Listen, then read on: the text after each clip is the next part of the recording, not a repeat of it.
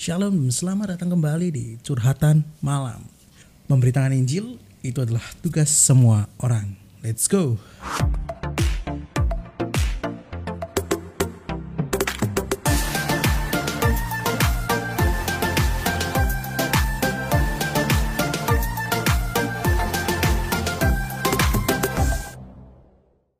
Pada curhatan malam hari ini, kita akan membahas tentang salfok atau salah fokus. Aku yakin kalian pasti ngalamin hari ini.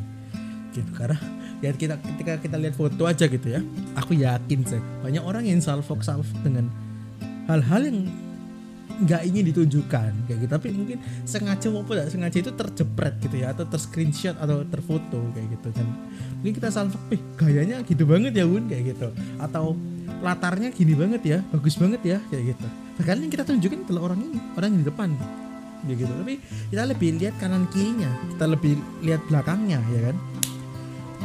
Sometimes ketika kita dalam kekristenan di dalam Tuhan juga sama. Ketika kita punya masalah kita diperhadapkan oleh dua. Kita mau lihat Yesus atau kita lihat mau lihat masalah. Sometimes kita berkata gini oh, aku pasti lihat Yesus. Tapi ketika ada sesuatu yang menghimpitmu gimana? Apakah kalian tetap setia melihat Yesus? Kayak gitu aku rasa sih kebiasaan gitu kebiasaan kita adalah kita lebih fokus ke masalahnya. Ya kalau kita dapat masalah terus kita nggak dalam tekanan ya kita bisa bilang ya wes sabar kita tanya sama Tuhan. Tuhan gimana? Kayak gitu. Tapi ketika kita dalam under pressure contoh kayak deadline atau ada klien yang marah atau ada atasan yang mempressure kalian atau apa pun yang membuat kalian tertekan terkejar itu aku apa bisa bilang bahwa kita sering kali salah fokus. Kita lebih ngomong pak aduh gak mungkin lah. Wis nanti aja ya doanya ya. Kayak gitu. Oh nanti aja deh. Aku udah capek ini tidur dulu lah baru besok doa. Atau gak selesai dulu ya baru aku doa. Kayak gitu. Seringkali kayak dunia sekuler dan dunia spiritual itu kayak terkesan di dalam kekristenan itu kayak terpisah sah gitu. Makanya sebenarnya enggak gitu loh. Sebenarnya kayak bukan berarti itu aku minta dicampur dan jadilah nasi uduk gitu ya bukan atau nasi campur kayak gitu bukan tapi maksudnya adalah bawalah kehidupan rohani kita ke dalam kehidupan sekuler kita karena apa? Karena kalau kita nggak bawa, kita bisa salah fokus dengan masalahnya.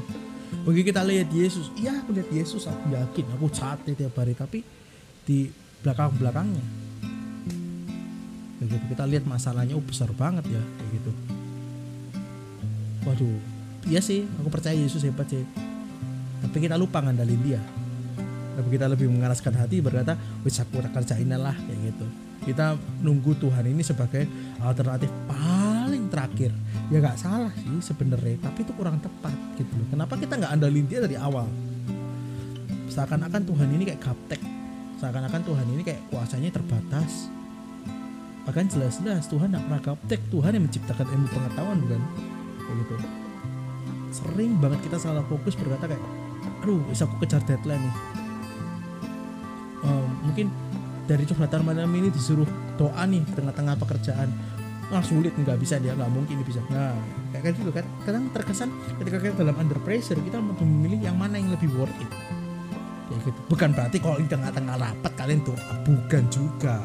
Doa itu kan banyak cara ya kan. Maksudku at least kalian inget Tuhan kalian ngertiin Tuhan kalian maksudnya ngerti bahwa Tuhan itu ada dan kalian dan nyata dalam hidup kalian dan di sisi kalian. Seringkali orang berkata yes Tuhan di sisiku Tuhan Tuhan hebat Tuhan keren tidak ada mustahil bagi Tuhan. Tapi giliran dia ada masalah langsung aduh masalah berat banget nih aduh gak bisa ya aku gimana ya dia langsung telepon sana sini. Dia nggak tenang nggak ini nggak memikirkan nggak coba tanya Tuhan kayak gitu. Berarti jangan-jangan kita ini ngandelin kekuatan kita sendiri loh kayak gitu loh. Padahal yang Tuhan mau apa? Amsal 3 ayat 6 berkata aku lihat dia dalam segala lakumu maka ia meneruskan jalanmu.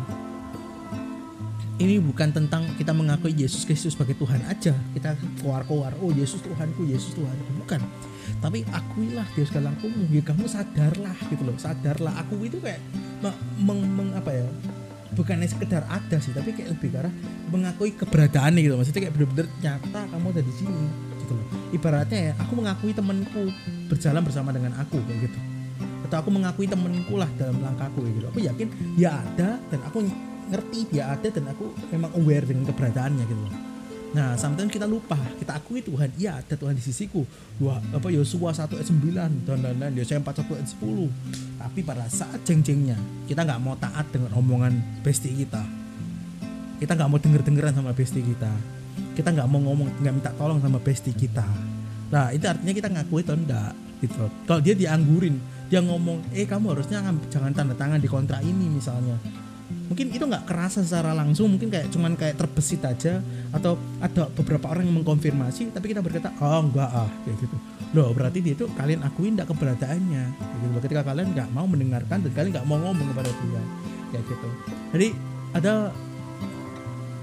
ada satu apa ya cerita jadi tadi pagi aku bangun aku langsung keinget dengan dua kalimat gitu ya. Kalau ya buat satu satu sampai dua kalimat gitu ya. Intinya itu adalah jangan pernah tinggalkan Tuhan di dalam satumu. Karena kekristenan itu bukan tentang agama doang dan bukan tentang tata cara ibadah tapi hubungan. Jadi kalau misalnya pacar kita kita tinggalin oh ya kita nggak pernah kabar-kabaran sama pacar kita ayo bayangin. Kita cuman oh ya pokoknya video call jam 9 pokoknya video call ya, ya wis enough. Sudah berarti kamu jangan pacarku. Ya kamu pacarku gitu. Tapi jam 9 tok ya pokoknya jam 9 tok. Ya kan mohon maaf itu bukan pacar kan. Itu cuman kalian sewa ya berarti kan ibaratnya kalian berarti kan cuman buat customer service lo nemenin kalian aja kayak gitu. Loh dalam Tuhan juga sama. Kenapa kita nggak jadikan dia bestie yang terbaik dalam hidup kita? Karena dia mau bantu kayak gitu kita baca satu baca satu kisah dulu ya sebelum aku lanjutin kisahku tadi yaitu di Matius, Matius 14. Kita tahu Yesus berjalan di atas air. Kalian ngerti paham sih. Petrus akhirnya mulai ngomong kan, kalau itu engkau, biar aku berjalan gitu kan. Kurang lebih seperti itu kan. Nah, kita lanjut di ayatnya langsung um, 30. Jadi di ayat 29 Tuhan berkata, "Datanglah dan Petrus turun dan berjalan." Nah, ayat 30, tetapi ketika dirasanya tiupan angin, Nah nih, dia ngerasain satu badai, dia ngerasain satu satu angin yang keras mungkin pada saat itu. Karena tiupan angin itu ya pasti lumayan ya kerasa ya pun kayak gitu. Dan mulai ngerasa, dia mulai dirasa-rasa ini kayak gitu.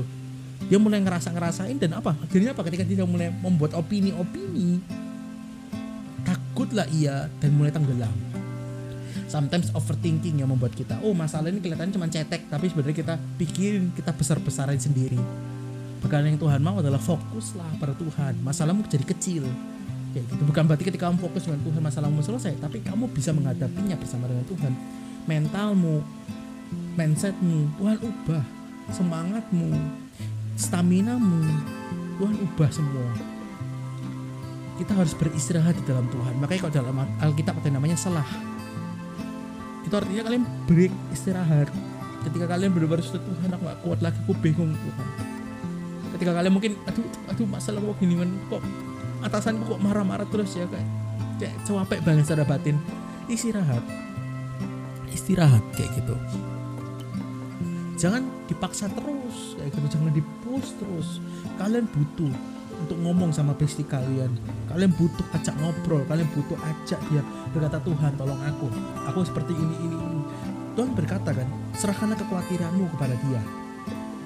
Di dalam doa kekhawatiran ini kan kecemasan ya toh apa yang kamu jadi cemas ya hatimu? Aduh kok kerasa nggak nutut ya? Kalian tinggal ngomong ke Tuhan Tuhan kok kerasa nggak nutut ya? Daripada kalian menggerutu daripada kalian mengoverthinkingkan Tuhan aku ngerasa capek banget aku diajar pressure Tuhan ya dia yang akan menenangkan kalian karena dia Bapak yang baik bukan? Ya gitu. Dia yang akan berkata cukup sabar ya kayak gitu. Nah, terus kita nggak nggak mau nggak mau kita datang ke dia. Dan ngapain dia ada di sisi kita terus kayak gitu kan? Tujuan dia di sisi kita adalah apa? Ketika kita nggak kuat dia ada bersama dengan kita. Ketika kita memulai sesuatu di tengah-tengah sesuatu di akhir saja sesuatu dia tetap ada di sisi kita. Makanya itu ayat Amsal 3, 3 ayat 6 ini berkata akulah dia di segala lakumu aware lah yakinlah pada sisimu dan ajaklah dia bermitra.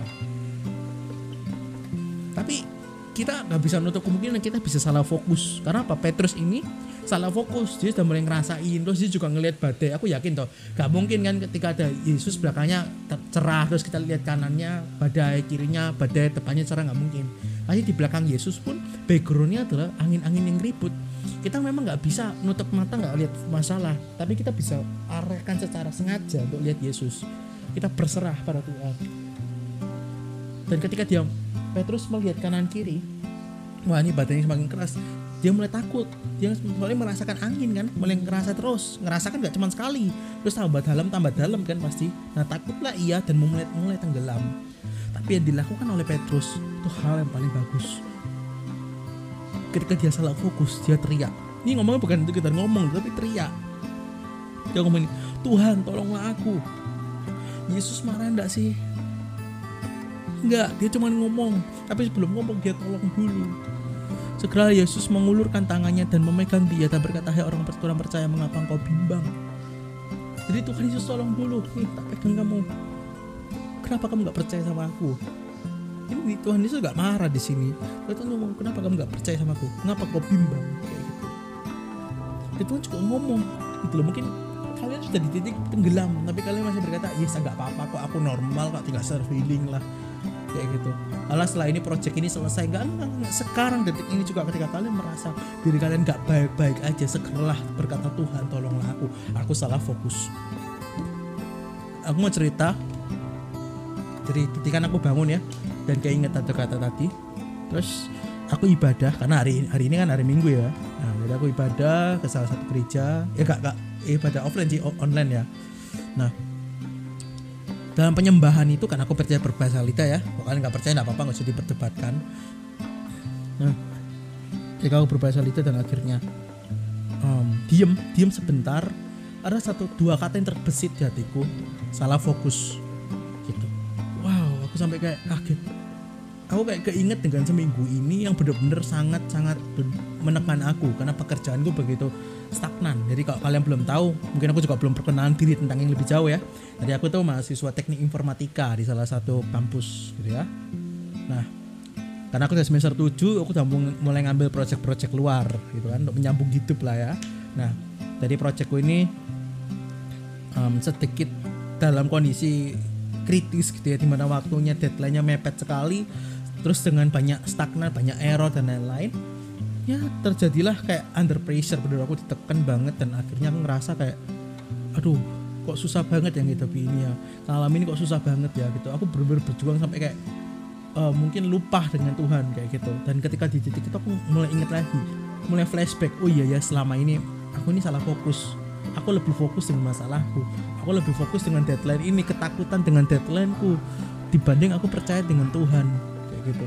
Dibanding aku lebih mempercayakan pada Tuhan kayak gitu. Dulu ketika aku mulai stagnan aku suka ngomong Tuhan tolong aku. Tapi pada saat minggu ini aku lupa. Dan inilah kunci dari seminggu ini kenapa aku ngerasa gak enak hati kayak gitu. Aku belum seminggu ini belum pernah ngerasain kayak belayan Tuhan dan lain-lain gitu nggak ngerasa aman nggak ngerasa dalam cover zone nya Tuhan gitu loh ibaratnya. Nah dan akhirnya di titik aku tadi udah diem ya setelah aku dengar dua kata itu tiba-tiba langsung ada nyanyian gitu ya. di maksudnya tim worship yang di gereja pun langsung nyanyi kayak pas banget gitu loh kayak aduh kayak langsung gitu kayak bener-bener langsung detik beberapa detik saja langsung nyanyi kan. Kali kok kalian tahu lagunya? Boleh lah ya dikit-dikit ikut gitu ya jadi lagunya itu kayak gini. Kau yang terindah di dalam hidup ini. Di situ langsung aku nangis. Bahkan aku seminggu ini nggak pernah ngerasain. Bukan masalah nangisnya ya tapi maksudnya karena aku orang yang sedikit melankolis gitu ya. Memang sedikit orang gampang gampang retak di hati di dalam hati Tuhan tuh memang gampang rapuh puji Tuhan kayak gitu. Tapi benar-benar aku kayak keras banget. Aku ngerasa hal itu. Tapi di titik itu aku langsung nangis. Aku ngerasa yes Tuhan aku seperti handphone yang nggak pernah di charge kayak gitu seminggu ini dan di titik itu aku langsung nangis gitu kalian tahu ya refnya ku sembah kau Ya Allahku Ku tinggikan Namamu selalu Di situ aku nangis terus sampai Sampai selesai firman pun nangis gitu. Sorry di tengah-tengah firman pun nangis gitu. Kenapa? Kenapa ngerasa kayak hadirat Tuhan yang memeluk aku gitu. Aku ngerasa itu hati nyata dan pun memeluk aku dan berkata cukup cukup sudah sudah kayak gitu. Meskipun nggak bisa ngerasain secara nyata tapi kan merasa kayak wis semua bebanku terasa jangkat dan ya kamu mungkin tidak nyadar dan gitu. Mungkin kok Tuhan bisa ngomong kayak kamu ini nggak nyadar dan gitu tapi kamu memang butuh aku gitu. Kamu butuh istirahat di dalam aku. Dan di situ aku ngerti bahwa aku salah fokus Tuhan kayak gitu aku fokus dengan masalahku yang deadline. Deket banget deadline nih. Aku selalu fokus Tuhan. Dan aku udah capek nggak tapi ini. Akhirnya aku tawar. Hatiku tawar dan puji Tuhan. Tuhan selamatin aku lagi. Jadi aku cuma ngomong kepada kalian ketika kalian lagi di titik-titik mungkin dikejar under pressure andalkan Tuhan. Ngomong sama Tuhan Tuhan kok seperti ini ini ini ya Tuhan. Bukan untuk nadanya dengan nada marah ya bukan untuk mengeluh tapi kayak cerita aja. Ya wes Tuhan tolong aku. Aku sering banget dulu ketika ngejam project ya. Hmm, misalnya ada satu project itu aku sering banget kayak Tuhan tolong aku. Tuhan diapain ya enaknya gitu. Tuhan ini gimana ya caranya? Tuhan kayak gini ya Tuhan. Aku ngambil nggak ya Tuhan? Kayak gitu. Terkesan gak worth it terkesan kayak aduh apa sih? Tapi kalian kok ajak dia bermitra? Kalian akan berjalan dalam di atas air kayak gitu. Seperti seperti Petrus gitu loh kalian kok bermitra dengan Tuhan? Kalian kan terus berjalan di atas air dari ketidakmungkinan menuju kemungkinan jadi kayak maksudnya kayak yang hal yang mustahil ke mustahil mustahil mustahil bagi kita. Satu kemenangan ke kemenangan lain. Ayolah kita harus kalau kita udah capek kita benar-benar capek kita istirahat di dalam Tuhan. Kita selah. Berkata Tuhan aku berserah. Aku capek Tuhan. Tolong pulihkan aku. Tuhan pasti perlu kalian dan Tuhan berkata wes wes sudah cukup. Dan dicas lagi terus kalian kerja lagi. Itulah memang siklusnya Tuhan bukan berarti Tuhan tempat sampah bukan. Tapi di situ karena dia adalah papa. Kalau kalian memang capek? Kalau kalian sudah melewati segalanya? Pulang ke rumah. Dan ketemu apa lagi di recharge lagi.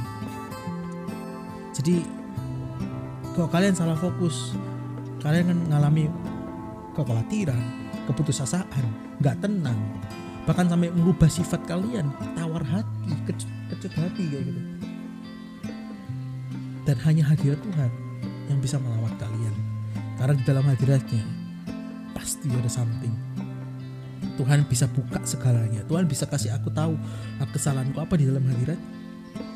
Kenapa kalian enggak juga? Oke? Okay? Lumayan berat pembahasan kita hari di episode hari ini. Sebelum selesai kita selesai kita doa dulu mungkin ya.